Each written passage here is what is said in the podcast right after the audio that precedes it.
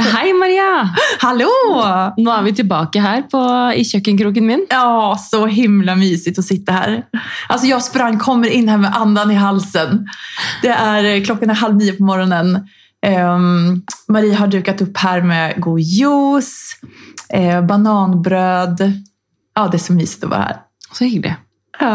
Jeg har i hvert fall prøvd i det lille kaoset vårt her å gjøre det litt hyggelig, sånn at vi kan kose oss litt her. ja, jeg syns ni har det veldig fint altså. Takk. Du, eh, ja, vi har ju inte pratat eh, sen sist Nej. egentligen den här veckan, för det har ju gått i ett verkligen. Det har det. Jeg har hatt eh, full kalender, og du har jo startet i full jobb igjen. Herlighet, hvordan føles det? Det kjennes som at i varje avsnitt så innleder jeg med å si at nå har jeg begynt å jobbe. Ja, så vi se. Nå har jeg faktisk begynt å jobbe. Nu har jag börjat jobba, exakt. Eh, nej, och jag har verkligen fullt upp på dagarna nu, och det, men det känns bra. Ehm, och jag jobbar ju nu inte bara med en utan två helt fantastiska kunder och det är supermycket nytt för mig att sätta mig in i. Men eh, det är fantastiskt kul och jag är så tacksam över att jag har fått en så bra start nu efter mammaledigheten. Och speciellt i dessa tider. Ja, herlighet. Og du Mm. har jo ehm, Det er litt kult at du kan flytte fokuset litt fra to kids nå og litt over på noe annet. Og du kan liksom lære mye nytt. Du har blitt, skal bli kjent med to nye kunder. Ja. og Det er sikkert deilig for deg også å kicke i gang. Absolut, jo men det er det. Det er, det veldig skjønt faktisk å komme i vei på dagene litt og få, og, ja, som du sier, flytte fokus. Bruke hodet litt. An, til andre ting, da. tänka lite mer. Mm, Ja. Helt klart. Ikke at ikke vi tenker med kidsa, altså. Nej, Bare så at ingen misforstår her nå. Bara lite andra saker. Litt andre saker. Ehm, men du, på tal om att vara busy. Eh, idag så ska vi prata med en dam som verkligen har stått på. Och vi hejar ju på starka, drivna kvinnor, så det ska bli superspännande att prata med dagens gäst. Veldig. I dag får vi jo besøk av Tina Skarbø. Nå håper jeg uttaler det riktig. Hun har jo kjempet virkelig på for fødekvinnens sak. Eh, Så nå gleder jeg meg til å få henne inn i vårt lille digitale studio her. Ja. Så du hører nå på Mamelike-podden med meg, Marie. Og med meg, Maria. Velkommen til ukens avsnitt.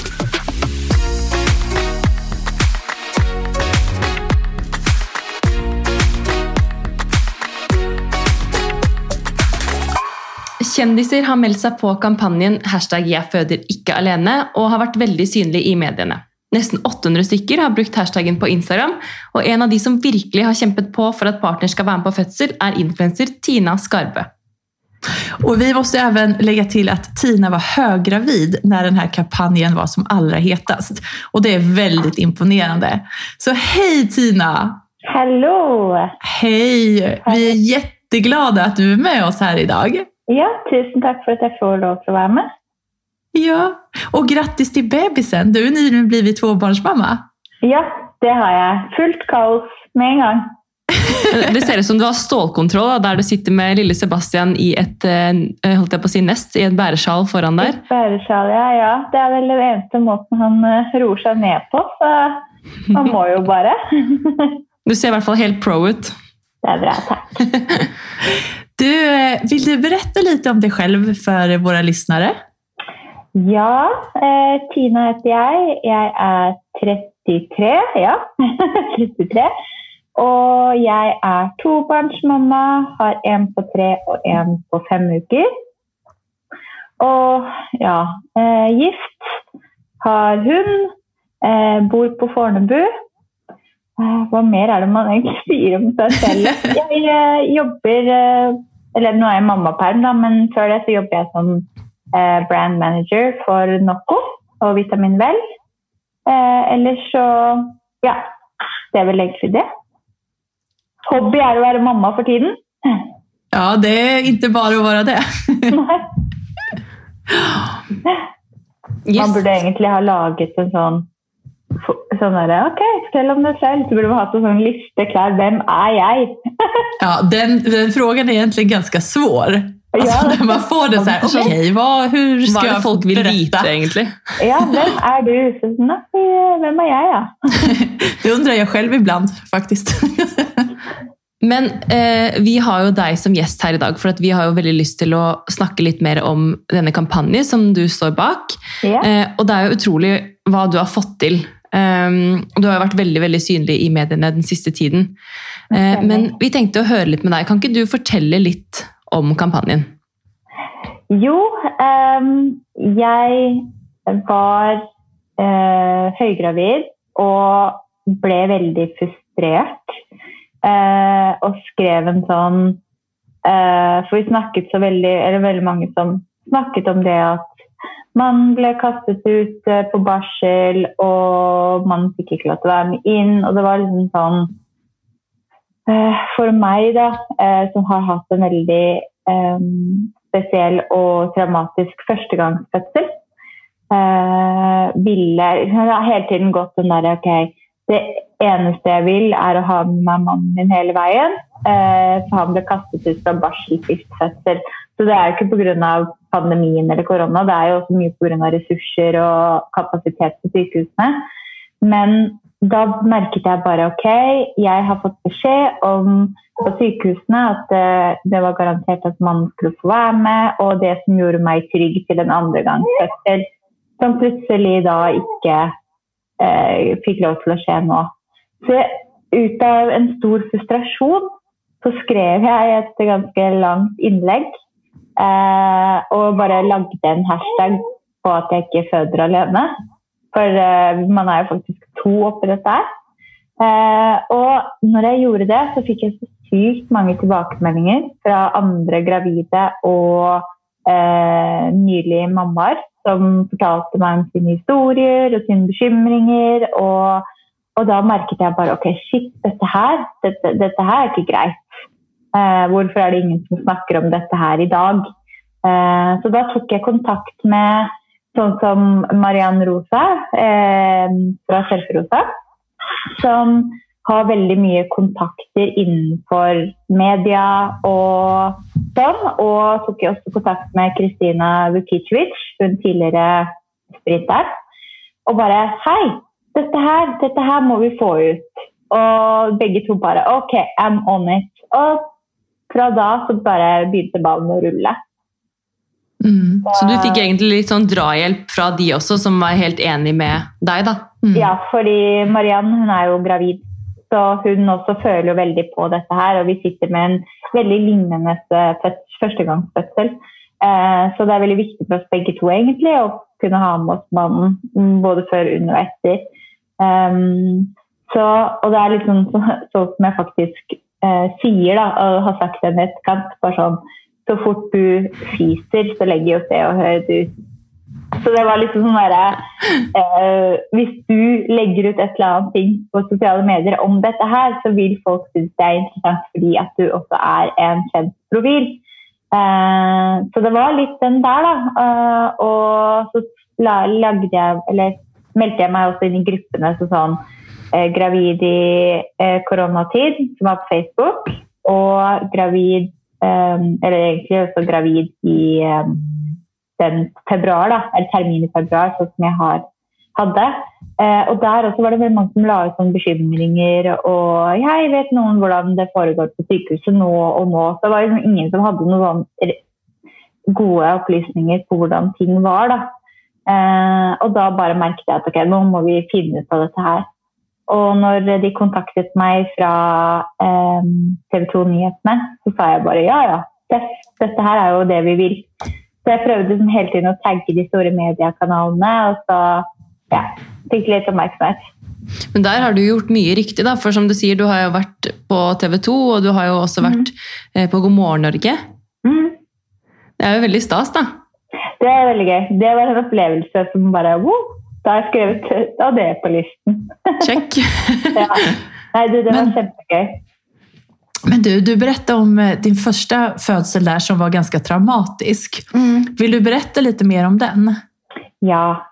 Um, selve fødselsforløpet, altså sånn til, han, til hun kom, uh, er ikke det mest traumatiske. For det var, sånn ting tok tid, og jeg ble litt dårlig, fikk litt feber. og Hun kom ikke ordentlig ned i bekkenet, som gjorde at hun ikke kom ut. Eh, etter ganske mange timer så fikk jeg beskjed om at da ble det et hastekeisersnitt. For da begynte både jeg og baby å bli sliten. Um, men det er fra der det ble ganske traumatisk. Han fikk lov til å være med på, um, på keisersnittet. Men altså mannen din? Ja, mannen min. Mm. Og når hun ble født, så tok de henne ut eh, med en gang eh, for å hjelpe henne litt. Og så, når de hadde fått i gang og liksom hadde skriket og sånn som de vil at hun skal gjøre, for de må skrike og få opp vann av lungen og alt dette her, så eh, tok, eh, kom de inn med henne sånn ferdig pakka og ferdig vaska. Så hun, du så kun ansiktet hennes i en sånn liten sånn Eskimo, så veldig i innpakka ut. Eh, og jeg tror jeg fikk kanskje et par minutter med henne. Så tok jordmor og mannen min og gikk. Så da ble jeg liggende igjen på operasjonsbordet, og de gjorde seg ferdig med meg eh, før de sendte meg opp på postoperativen. Og der ble jeg liggende eh, mens jeg maste etter at de skulle kontakte min mann for å få han til å komme opp. Eh, og det tok jo kanskje to timer eller noe sånt, hvor de sier at ja, du må slappe av og prøve å sove litt. Men det er jo umulig, ikke sant, når de ligger der og hvor er babyen min. Eh, så husker jeg at eh, vi var ganske dopa også, men han fikk lov til å komme opp, og så var der vidt ja, tre kvarter eller noe sånt før de sendte han av gårde igjen. da. Eh, og ble liggende ganske lenge, mange timer, før de endelig klarte da å få en til å trille meg ned på barsel. Var jo, da var det jo klokka ett på natta. Og når jeg kom ned da, så fikk jo ikke da min mann lov til å være der, fordi at det var eh, dobbeltrom, så det var en annen som lå inne på rommet også. Og da er det sånn, ok, du kommer ned fra et ganske stor operasjon. Du er ganske ute av det fordi du er ganske full av eh, eh, dop, som jeg kaller det. Altså sånn, sånn, eh, sånn som rus da, som gir deg, som Mm. du blir jo litt sånn rar i hodet av. Og så skal du da ta vare på en nyfødt baby helt alene. Så det var ganske intenst. Eh, heldigvis var hun veldig snill, men sånn, jeg klarte jo ikke å løfte henne. Jeg klarte ikke å gå opp av senga. Det var jo Hvordan skal jeg på en måte eh, hvordan skal jeg amme henne? Jeg vet ikke hvordan jeg skal amme. Jeg har aldri gjort det før. Det var ingen der som hjalp meg. Og måtte da ringe på en rød snor, og de var jo kjempestressa. De hadde jo ikke tid til å hjelpe. Så det var veldig traumatisk, da, sånn at du følte deg veldig alene og veldig redd. Och det, ursäkta, det här var jo før pandemin, så det her har jo egentlig ingenting med pandemin å gjøre alls. Nei. Nei. Og dette her har jo da blitt verre i pandemien. Fordi dette her har jeg jo hørt er veldig vanlig, egentlig. Når jeg har delt min historie før, så er det veldig mange som sier at de har hatt det på samme måte. Fordi at veldig mange sykehus de har ikke kapasitet til singelrom, sånn at både mor og far kan være der. Eh, har du en traumatisk fødsel, ah, skjer det noe, så må du jo hele tiden bli passa på, og da er du gjerne i rom hvor det er andre. Og da får jo ikke pappaen lov til å være der. Så jo mer traumatisk fødsel egentlig du har, eh, jo mer alene blir man, da. Så det er veldig rart egentlig at systemet er satt opp sånn. Eh, men dette her er jo da blitt sånn at dette her er jo en liten del av befolkningen før. Mens nå blir jo dette her med en ganske stor del av befolkningen, for dette skjer nesten alle. Veldig få som har den der Yes, jeg har hatt en fantastisk fødsel i pandemien. Uh, og da, da, da ser du jo stigning av fødselsdepresjon. Den har jo oppi 75 Og jeg er jo en av dem som fikk fødselsdepresjon i 2018 pga. denne traumatiske fødselen, uh, og, eller opplevelsen. Da. Og da føler jeg at ok, men da må man gjøre noe for at dette her eh, kan endres. Så jeg føler pandemien har egentlig satt litt lys på hvor dårlig barsel og fødetilbudet vi har i Norge egentlig er. Mm. Jeg synes Det er veldig fint at du setter ord på det. og De som kanskje ikke har lest seg opp og fulgt med på hele denne kampanjen, det er jo veldig fint for de også å høre at det her har ikke bare med korona å gjøre, men det er eh, noe, en historie du har hatt fra da 2018, da, og Mm. dine erfaringer som du ønsker å på en måte kjempe videre for. og Det syns jeg er veldig beundringsverdig. Mm, takk. Hvordan har tilbakemeldingene vært? Hva har du fått for feedback? Åh, det er hundrevis av meldinger. Eh, både folk som er sånn Yes, liksom, endelig klarer du å sette ord på hvordan jeg føler det. Eh, og takk for at du fighter en fight som ikke jeg orker å fighte. Um, eller at du fighter for alle oss andre. Um, så det er jo kjempebra tilbakemeldinger, egentlig. Du får jo selvfølgelig litt hate med sånn 'herregud, uh, sånn gjorde vi før i tida', og bla, bla, bla. Litt sånn typisk eh, nettroll. Um, men uh, mest positiv feedback har jeg fått. Så til og med folk i TV 2 som bare sender meg en melding 'Å, har du fått med deg det her? Kanskje du skulle liksom fighte litt mot det?' Så det er jo ja, bare positivt, egentlig, føler jeg. Du har jo fått med deg mange eh, med, altså, i det samme engasjementet, holdt jeg på å si. Jeg sjekket mm. hashtaggen i stad, og det var vel nesten sånn 800 som har brukt hashtaggen 'jeg føder ikke alene'. Så det er jo utrolig gøy å se at mange slenger seg på, da. Ja, det er veldig gøy. Og det er noen som sier sånn 'Å, føler ikke du når mange kjendiser eh, blir tatt opp i media og Lindmo og litt sånne ting, føler du ikke litt sånn Det er jo du som starta det, hvorfor er det ikke du som blir invitert? Og da er det sånn som jeg sier, da. Det er, sånn, eh, det er positivt at store profiler i Norge henger seg på, for jo større de er, jo mer eh, synlige blir vi, og jo mer får vi til. Så jeg syns bare dette her er kjempepositivt, eh, og har ikke noe negativt om at ikke jeg blir invitert. men eh, At du men, får det på dagsorden er det som er ja, viktig, på en måte? Ja, ja. Altså, det viktige her er jo at vi faktisk får får gjort noe med det. Ikke om jeg er på media eller ikke. Så, og det viser jo til det at uh, nå har vi jo fått endret det såpass at vi har kommet til Helsedirektoratet og, og uh, Bent Høie og der vi ville, der vi liksom har kommet inn. Uh, nå er det jo bare, Vi mangler bare sykehusene som støtter disse ordningene. Men jeg ser jo noen steder så får jeg noe sånn det er kjempebra, for jeg slipper å måtte gå inn og lese alle nyhetene. Jeg har så mange som bare screenshotter og sender meg linker og se, se, se. se sånn, yes, jeg får alt måte, sendt til meg. da. Uh, så jeg fordelte videre til resten. Men ja, det er litt og litt. Men kampen er jo langt ifra over. Ja. Um, ja, det var egentlig vår neste spørsmål. Hva, ja. hva, hva, ser du for resultat? Har du begynt sett noe? Rent eh, praktisk, hva som hender? Ja. Eh, noen sykehus har jo åpnet for å ha med partner på ultralyd, den første ultralyden. Eh, og noen sykehus Jeg tenker at det er ikke bare sykehusene som har det reglementet, men noen jordmødre som er veldig med i det her, er litt sånn Ja, vi ser det an. Og veldig mange jeg har hørt om som har sagt at ja, man må sluppe til mannen med en gang. Så det er, eh, det er jo De har ikke klart å liksom gå ut og si at ja, man får være med fra, fra, gang, fra, første gang du kommer inn, men noen gjør det for det, da, selv om det ikke er reglene. Eh, og det er jo positivt. Så det, det er sånne småting som det som har endret seg. Men det jeg håper skal skje, er jo at vi kan få den der på svart-hvitt. Nå får du lov til dette, altså alle disse reglene, fordi at så mange gravide der hjemme som sitter og bekymrer seg. Og den bekymringen den er så ødeleggende at hvis vi kunne fjerna den bekymringen, så tror jeg vi har kommet veldig langt. Ja, og jeg tenker spesielt de som føder for første gangen, når man ikke vet hva man går til. Eh, og da bare tenker på at man skal være ensom mm. uten sin partner. Ja. Det er ganske grusomt. Bare det å gå inn på sykehuset helt alene med rier. Og jeg var andregangsfødende. Det var ikke noe gøy. Og da tenker liksom på førstegangsfødende som ikke vet ok, hvordan blir smertene, hva skjer nå? De er jo kjemperedde. Jeg gikk jo helt inn, eller jeg gikk jo inn alene.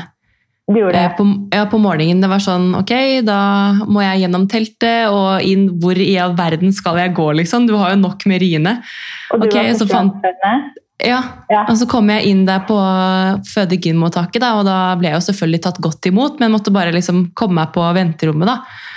Og da var det sånn det var som at det var liksom helt sånn dødt sykehus, for det var så stille midt på morgenen. Det var liksom halv syv-syv-tiden, det var mørkt. Eh, og der sitter jeg liksom og tenker sånn Kan noen hjelpe meg, eller? Ja. Står som en ku oppe i sofaen der og bare prøver å puste meg gjennom. Og det er sånn, da vet du jo ingenting. Du vet Eh, du skjønner jo at Nei.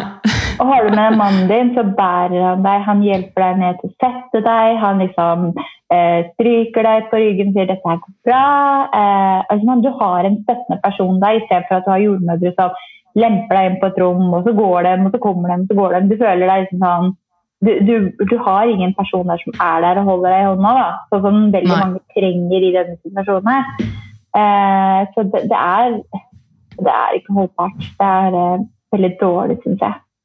Och jag, jag tycker jordmödrarna också, de gör ju verkligen sitt yttersta. Alltså jag, jag vill ju bara ge en stor eloge till dem, till alla, Mm. all hälsopersonal, alla som jobbar på sjukhusen.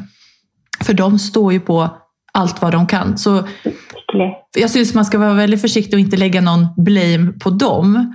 Eh, för att det här det är ju en större fråga, en större issue. Mm. Eh, för de som är på plats, de er jeg sikker på står på og gjør virkelig sitt Absolutt, yttersta. de gjør jo jobben sin, men det er vel kanskje mer det der at sånn som for min del, da jeg kom inn og ikke visste noen ting, så da jeg endelig fikk beskjed om at nå kan du, nå kan du be mannen din om å komme inn, liksom, da tenkte jeg sånn, åh, nå, det er det jeg trenger da, det lille Mm. ekstra. Å ha den personen som kjenner meg, som på en måte kan holde meg i hånda da. Fordi det, selvfølgelig, jordmor holdt jo deg i hånda også da du Ja. fødte alene. Mm. Men det er noe med å ha de som faktisk kjenner deg da, når du går gjennom noe som du ikke ja, har gjort før. Ja. Det er litt den der, der. Jeg har jo veldig mange jordmødre som jeg snakker med. Og som jeg prøver å si, altså hashtaggen 'jeg føder ikke alene' betyr ikke at jeg, at jeg føder alene i et rom og det er ingen der. Det, det betyr at jeg, jeg lagde dette barnet her sammen med en person. Så jeg er ikke alene om det. Det er, det er det det er snakk om. Det er snakk om at jeg går ikke gjennom dette her alene fordi at jeg har en partner. Så hvorfor skal jeg gå i en fødsel alene? Og det sier jo ikke det at jordmødrene gjør en fantastisk jobb, eh, eh, men det er ressursene og, så, og det som gjør det. Altså, jeg hadde en jordmor som var pensjonert. Var, altså, du kan tenke deg hvor, hvordan systemet er da, når de ikke har nok jordmødre, at de tilkaller de som faktisk har pensjonert seg. Noe som jeg er veldig glad for, fordi hun var dødskull. Så jeg hadde jo en superbra jordmor. Men, eh, men det er bare de ressursene som er kjempedårlige på føden. De har ikke nok jordmødre. Eh, og jeg har til og med fått eh, den beskjeden fra en jordmor som jobber på Ullevål. Eh, I det venterommet, der tror jeg de har 18 sengeplasser, på natterstid, så er det to jordmødre som jobber. To jordmødre, hvordan skal de ta seg av plutselig hvis de har setter i gang, da, og det er åtte stykker som begynner å få rier samtidig? Hvordan skal to stykker ta seg av åtte stykker? Skjønner du? Det, Det måste ju til mer ressurser. ja, det er jo der problemet ligger. Du må ha én jordmor per person som føder. Det går Absolutt. ikke å liksom bytte på sånn.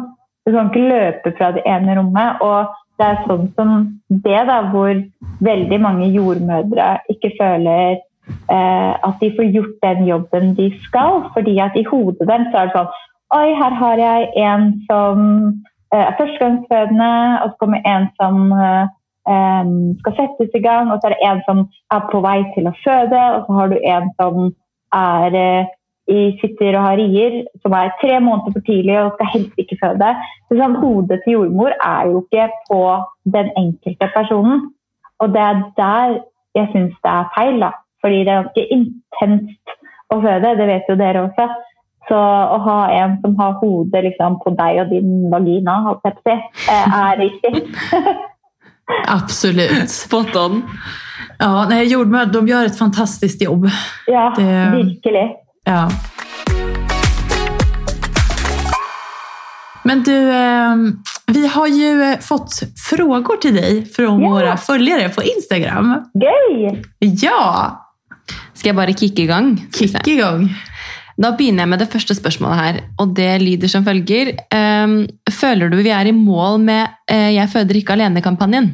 Nei. Langt ifra.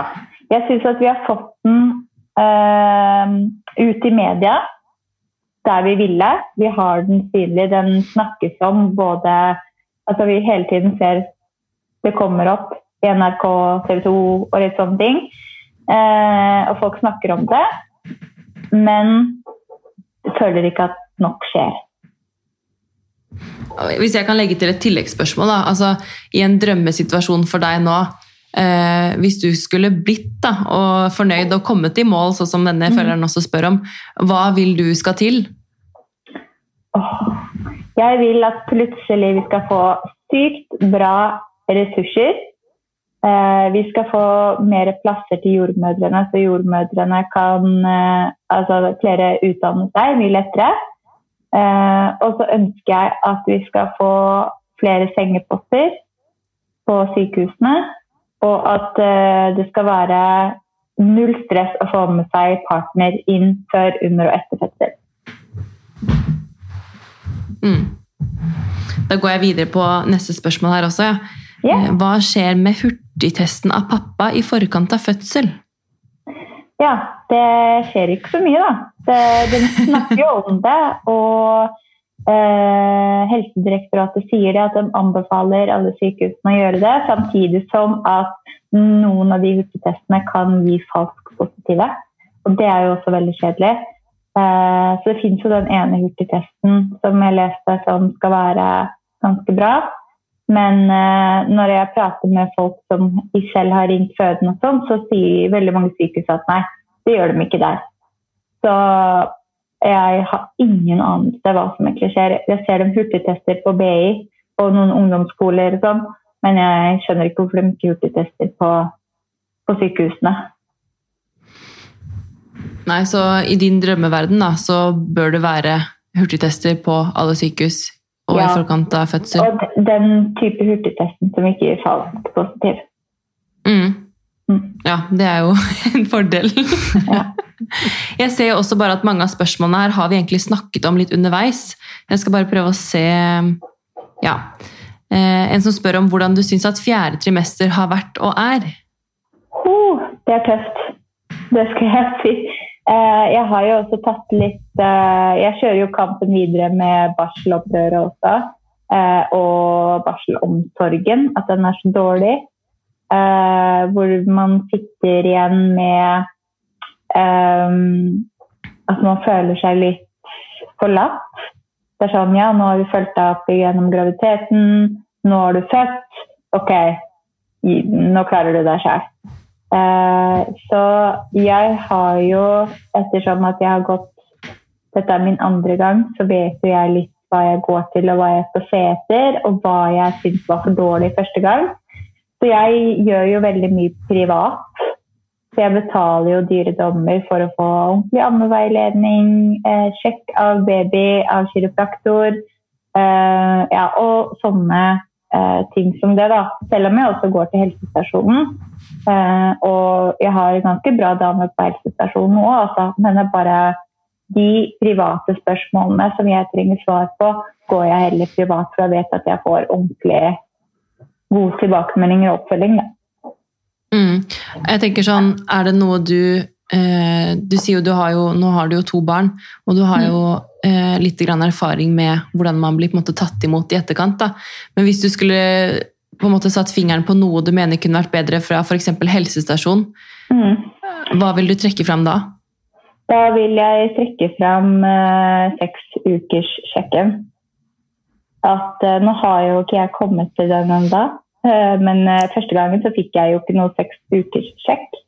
Det eneste det var snakk om, var babyen og hvordan vi hadde det som foreldre.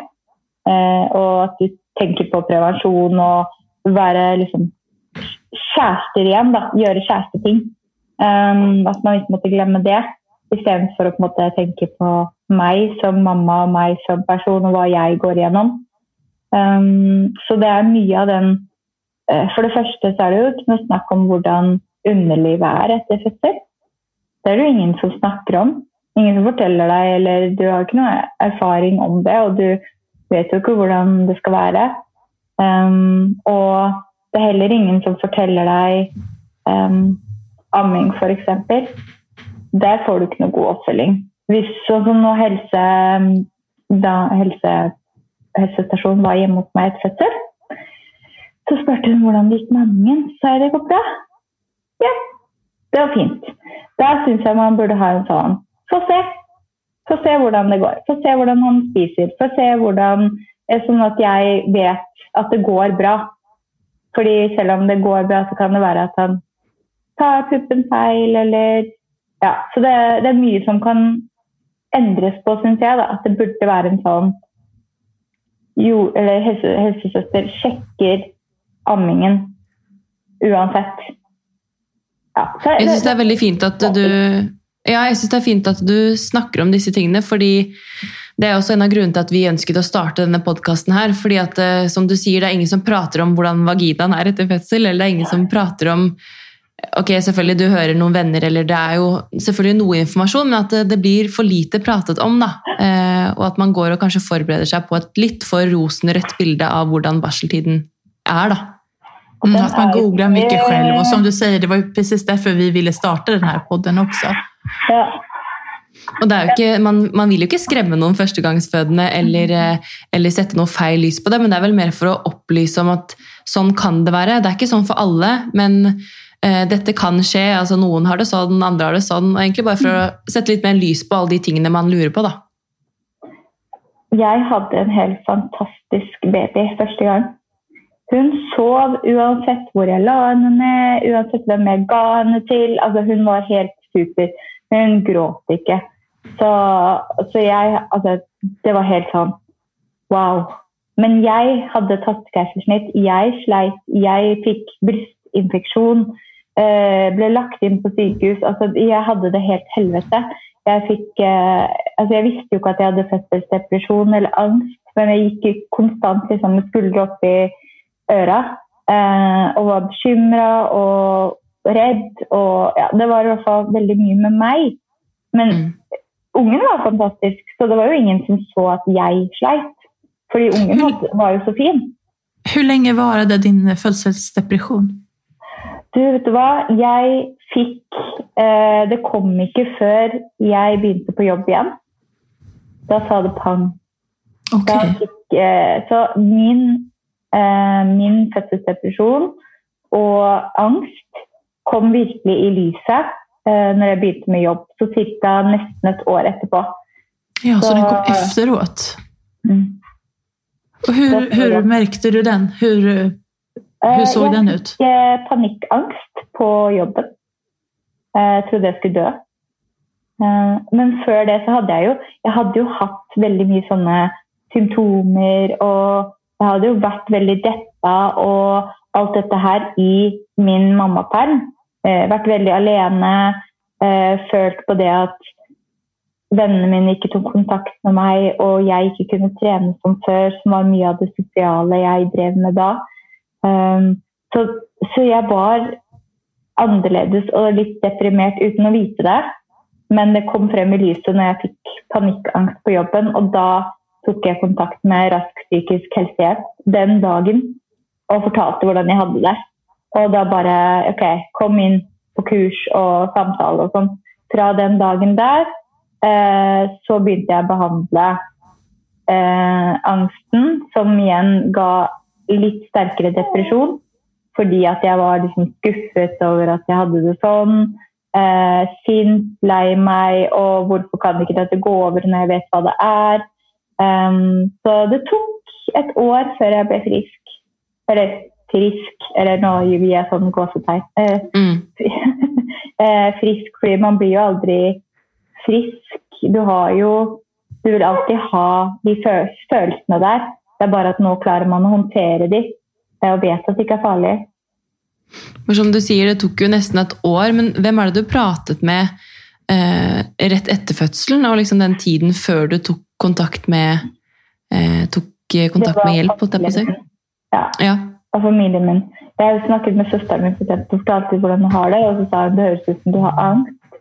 Eh, med tanke på at hun også har slitt litt med det, så hun vet hun visste hva slags symptomer når jeg sier 'herregud, så rart', plutselig blir jeg tåkete, og så blir jeg, begynner jeg å skjelve, og så blir jeg liksom sånn Ja. Så, Du hadde fysiske symptom.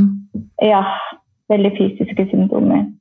Jeg fikk eh, de var veldig synlige for meg, da.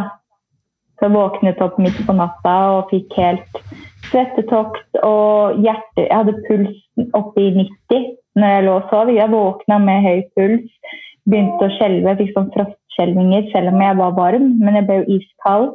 Uh, og uh, turte ikke å sove. Til slutt så sleit jeg med søvn, så jeg måtte ta jeg gikk jo på sånn litt sterke allergipiller, for de ville ikke gi meg støvpiller. Men jeg gikk på allergipiller som skulle gjøre meg søvnig uh, i kanskje fire måneder fordi at jeg var redd for å sove. For å få angst. Så. Det høres jo ikke noe bra ut, dette her, da. Men hvordan har du hatt det nå som du har fått baby nummer to? Har du kjent på noe av de samme Nei, nå har jeg Eller jeg har kjent på mye av symptomene som kommer av å være utmattet ved lite søvn. Uh, og føle seg litt sånn apatisk når ungen gråter og gråter, og du er egentlig så trøtt at du liksom bare sitter og ser på ungen og bare Nei, nå skal jeg bare gråte. Litt den derre nå, nå. Så det er jo Hvis man vet det, så blir man ikke redd. For dette her er jo veldig normalt i den første tiden med en nyfødt. Det er bare at når du ikke vet at dette er normalt, eh, så kan det utvikle seg til å da bli angst og depresjon osv. Og, så og bare, bare ta ammingen, f.eks. Visste du at når du ammer, så produserer du hormon eller kan produsere det Eller du produserer det hormonet, men det kan komme i en form av eh, å bli sånn nedstemt. Og eh, sånn, blir veldig tåkete og sitter i en boble som da heter D-mer, som jeg fikk vite når jeg var hos hun ammeveilederen, fordi jeg sa at jeg syns det er så rart når jeg ammer. Fordi jeg kjenner igjen symptomene mine på angst. At jeg blir litt sånn inni meg sjæl. Eh, jeg ser at dere prater, og jeg er med i samtalen, men jeg får det ikke med meg. Og da sa han jo, men det er fordi at dette skjer. Og det er det ingen som forteller deg. Det For dette er jo også helt normalt. at du, eh, Sånn jeg har valgt å tolke det, da, så er jo det noe som gjør at eh, du blir liksom i en sånn slags tilstand. Nå viser jeg også gåstegn her. Eh, fordi at du skal være liksom mindful der du sitter, da, og klare å kanskje koble av. Men hvis man også forbinder det som du sier, til noe som også er negativt, så blir man jo litt usikker på er det her sånn det skal være. Kjempemange slutter jo å amme pga. det. De takler det ikke. Nei, for at de må så dårlig under ammingen. Ja, ja, og de vet ikke hvorfor. Så da blir det på en måte sånn dette her går ikke. Jeg liker ikke å amme. Fordi at de ikke vet hvorfor de føler seg nedstemt av å amme. Men det er jo helt naturlig. Og når jeg da først fikk vite om det, så føler ikke jeg det lenger. Og hvis jeg føler, får en sånn litt sånn følelse, så bare ja ja, ok, da prøver jeg liksom å se på noe annet. Og så glemmer jeg det. Så den er ikke like intens lenger. Men det er veldig normalt. Og det er så synd at det ikke snakkes om mer, da, eller at de på sykehuset forteller at du, nå når du begynner å amme, så kan dette her skje. Men det er jo ingen, du får ikke noen opplysninger om det. Du blir bare sånn Å ja, tar han puppen din? Så bra. Ja, men da er det bare å dra hjem, da. og jeg husker spesielt godt da vi skulle sjekke ut holdt jeg på å si, fra barsel. Eh, så hadde jeg en veldig søt jordmor eh, som skulle gå gjennom dette skjemaet med meg. Da, som da var to av fire sider mm. eh, med punkter, og hvor vi gikk gjennom ganske mye viktig. da. Eh, blant annet da fødselsdepresjon og liksom ja, de, de, viktige tingene som man bør vite om. Men jeg må jo bare si det at det eneste jeg satt og venta på, var at jeg kunne gå. For at jeg ville bare se kjæresten min. Ja. Og jeg, jeg, visste at han sto nede på parkeringsplassen og liksom omtrent trippa liksom, 'Kan dere komme snart?' For han ja. ville jo bare få oss hjem. Mm. Eh, så hvis han hadde vært med da, på barsel, mm. eh, så kunne jo han det er sånn han har sagt i etterkant, at Marie, jeg kunne jo liksom fått med meg all den infoen, og jeg kunne jo funnet ren skjorte til deg og gjort de tingene der som du ja. ikke tenker over. da. Åh. Men det er faktisk helt sant. Eh, jeg hadde jo mannen min der. Men selv om, eh, selv om det, så jeg, jeg, setter meg ikke ned. Hun ga meg papirene litt på forhånd, og så eh, sa hun ja, så skal vi gå gjennom det før du drar. Og det er jo noe som egentlig burde gå gjennom mye før du drar. Fordi at i hodet ditt, når du har en baby, du vil bare hjem. Orker ikke å fokusere på å bli spurt spørsmål. Og, så det er ja, det tidspunktet burde være veldig annerledes, egentlig. For jeg husker det veldig godt at det eneste jeg har i hodet mitt, at jeg vil hjem til datteren min, jeg vil hjem eh, fortest mulig, så bli ferdig sånn at jeg kan liksom gå. Mm. Jeg tenker jo også nå som vi snakker om det, at kanskje man burde pratet om noen av de tingene eh, på de, de siste mm, svangerskapskontrollene. Fordi da er det jo liksom egentlig ikke For min del da, så var det ikke så mye som skjedde. Da var det at jeg kom dit, vi skravla litt, jeg gleda meg til jeg skulle føde. Ja. At liksom vi snart er i mål. Eh, og isteden for å sitte og liksom prate litt sånn vær og vind, da. Eh, hvis man har et uproblematisk svangerskap, så blir det jo litt sånn at man møter opp, og så ja, så ses vi neste gang. Men at man kanskje da kunne pratet om noen av de tingene eh, og kanskje hatt det litt mer i top of mind. Da, Att at man får forberede seg litt mer. Ja, At du forbereder deg på de to arkene da, som du får etterpå, som du egentlig ikke husker noen ting av. Helt enig. Det er faktisk sant. De gjør jo egentlig ikke noe annet enn å bare sjekke at baby har det bra, måle og ta blodtrykket, og så er det sånn Ja, hvis vannet går, så er det bare å ringe føden. Ok, takk. Ja, man borde få litt mer forberedelser innan. Ja. Men igjen, altså jeg, jeg googlet jo som en gal, så jeg følte jeg visste alt. Men uh, det er jo noe med å kanskje få vite det fra en person du har betrodd deg til da, gjennom svangerskapet, og ikke lese det fra alt mulig forum. og Da må man jo velge selv hva man skal skille ut. Ja, ha en sånn fødselsforberedende samtale hos jordmor før du skal føde. Det hadde faktisk vært skikkelig bra. Hvor de setter av en time. Og ikke bare en sånn 20 minutters sjekk. Hei og ha det bra. Det er jeg helt enig i. Men du, nå tror jeg vi har fått vært igjennom ganske mye her. Ehm, er det noe du har lyst til å legge til på slutten her, Tina? Ja, sånn som jeg prøver å si, da. At er du gravid, så prøv å ikke bekymre deg så mye. Fordi man vet aldri hvordan situasjonen blir uansett. Eh, sånn at eh, jeg vil heller at man skal kose seg i gåsetegn så mye man kan eh, når man er gravid. Og eh, ta det egentlig som det kommer, selv om det er veldig vanskelig å gjøre. Men du har én jobb, og den jobben er å føde denne ungen og ta vare på deg selv. Sånn at eh, så får de andre gjøre eh, De ta seg av bekymringen, føler jeg, da. Det er det jeg prøver å formidle. Prøver å få ut at prøv å ikke bekymre dere. Og heller lese opp. Forbered dere til fødsel. Eh, ta fødselsforberedende kurs. Eh, det hjalp meg veldig. Um, og vi leser opp hva dere har rett til i forhold til før, under og etter fødsel. Og hvis du ikke du føler du får, får den hjelpen du trenger, så skriv det ned på et ark og ta det med når du skal til helsesøster. Og pass på at dere går gjennom alle punktene som du selv har lyst til å ta opp. Da. Og er viktig for deg. Veldig bra. Mm. Vi skulle jo egentlig hoppe over til ukens tips her, men jeg tror nesten at du kom med et veldig godt tips der. eh. Det var et veldig bra tips. Ja. Har du planer på noen ny kampanje? Uh, nei, men jeg kommer til å kjøre på uh, barsel og mammaperm. Og permdelingen. Den kommer jeg til å kjøre på. Ja. Kommer vi, vi kommer ikke til å slutte å se deg eh, i mediene. Nei, du dukker dyker igjen. jeg håper det. Jeg skulle jo egentlig på nyhetene og diskutere kvinnehelse sammen med Ernst Nakstad eller Bent Høie, men eh, ingen av de eh, kunne eller hadde lyst til å kanskje stille opp. sånn at da endte det opp med at det ikke ble på nyhetene, men jeg kom på TV 2, da.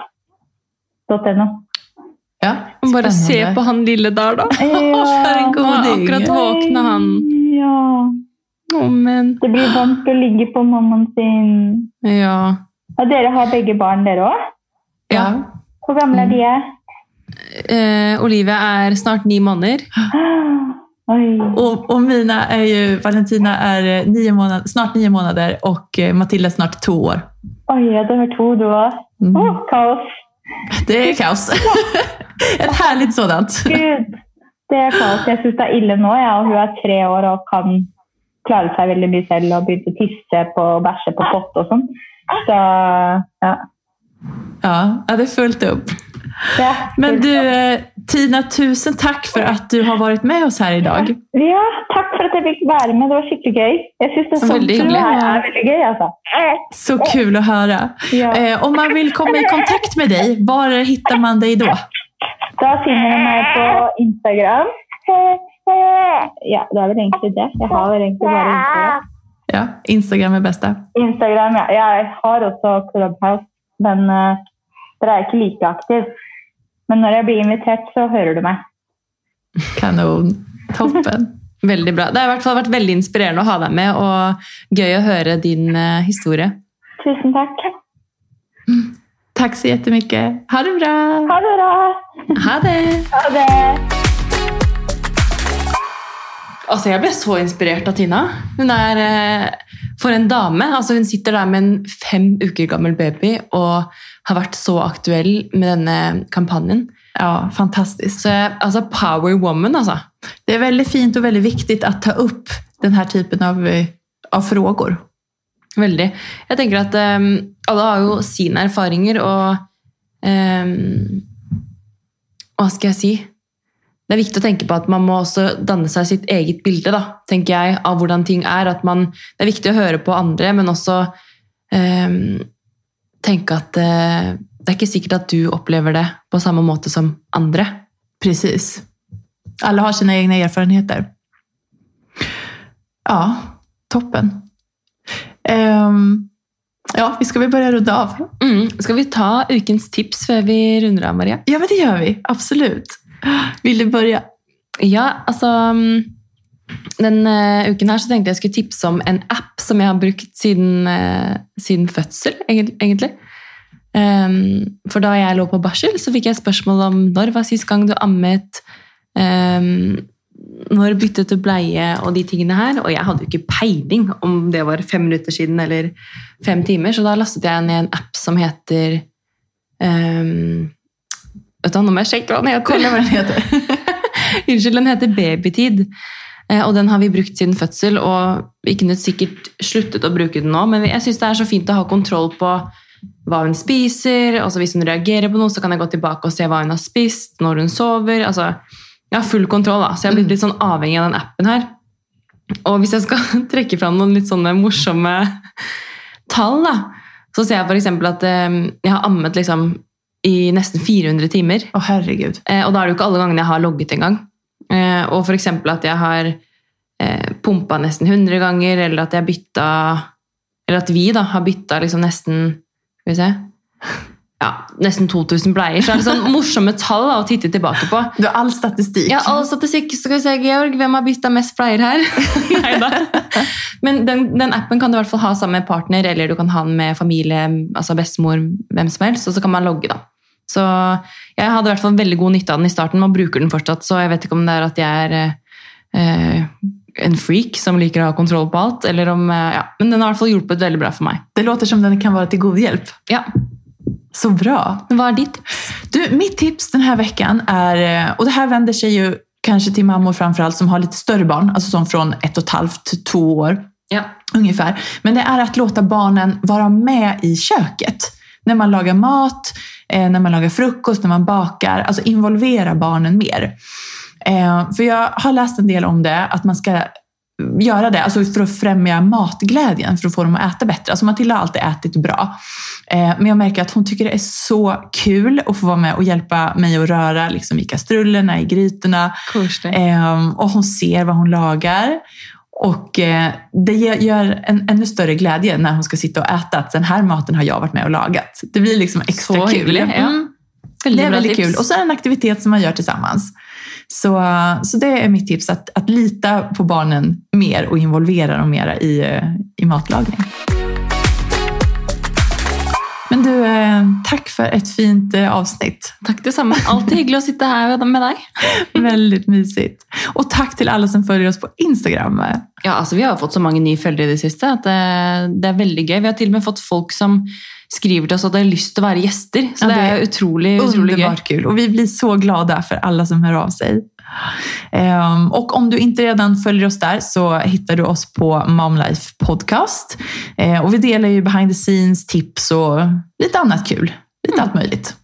Du bør følge oss, egentlig. Det tycker jag. Eh, ja, så tack för idag. Vi ses nästa vecka igen. Vi ses nästa uke. Ha det bra! Ha det!